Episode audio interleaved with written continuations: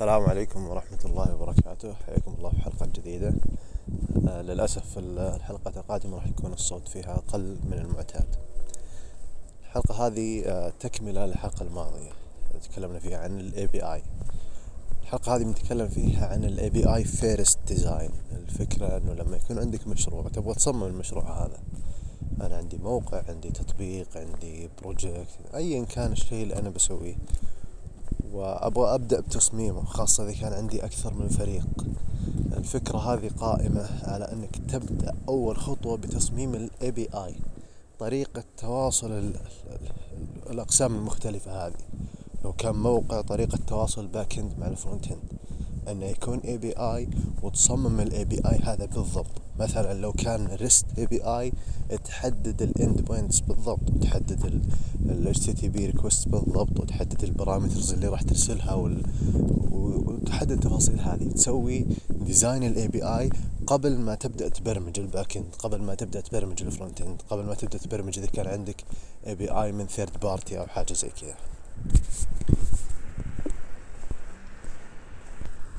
طبعا أنا أول مرة أسوي development لل API ايا كان وكان REST API. كان قبل فترة بسيطة واستمتعت جدا جدا جدا. كان مريح وأريح بكثير من لو تعمل يعني التواصل بين الأقسام بدون API موثق ومحدد ب end points محددة.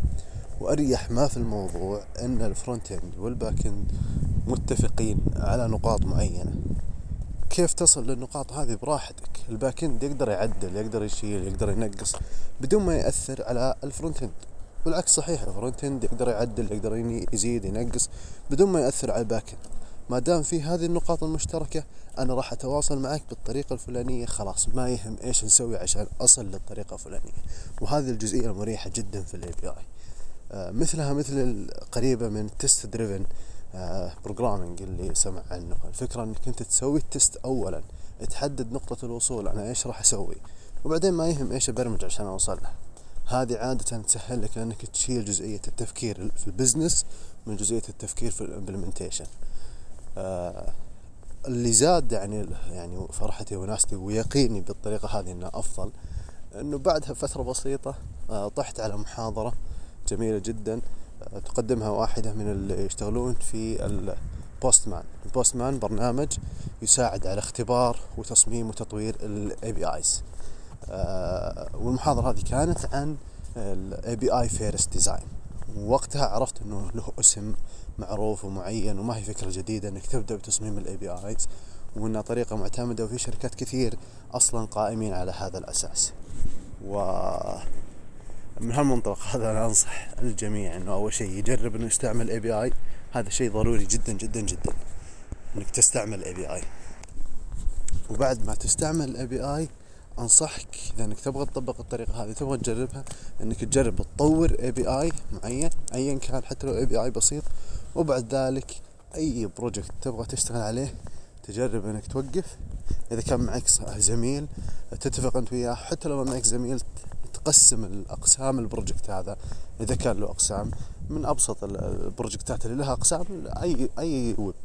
الـ front end مقسوم مختلف عن الـ back end اختلاف واضح. لو عندك حتى لو مو ويب لو عندك application في الجوال mobile application وتحتاج في إنك تخزن data في server هذه back end و front end طبعا لو عندك أنت project داخل مؤسسة مثلا وعندي خدمة عملاء وعندي عميل هذول أيضا قسمين مختلفين.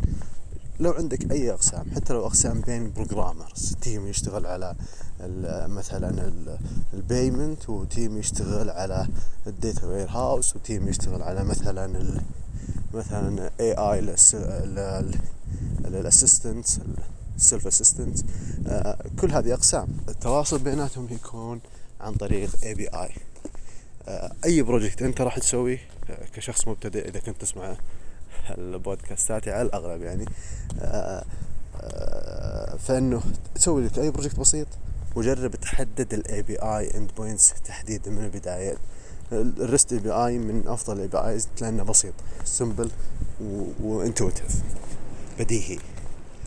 بالتوفيق للجميع.